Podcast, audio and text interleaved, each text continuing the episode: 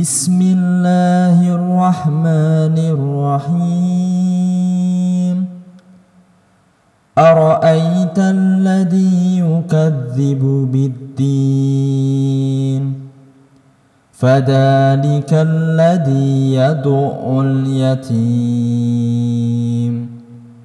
ولا يحد على طعام المسكين.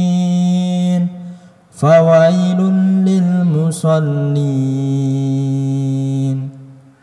الذين هم عن صلاتهم ساهون الذين هم يراءون ويمنعون الماعون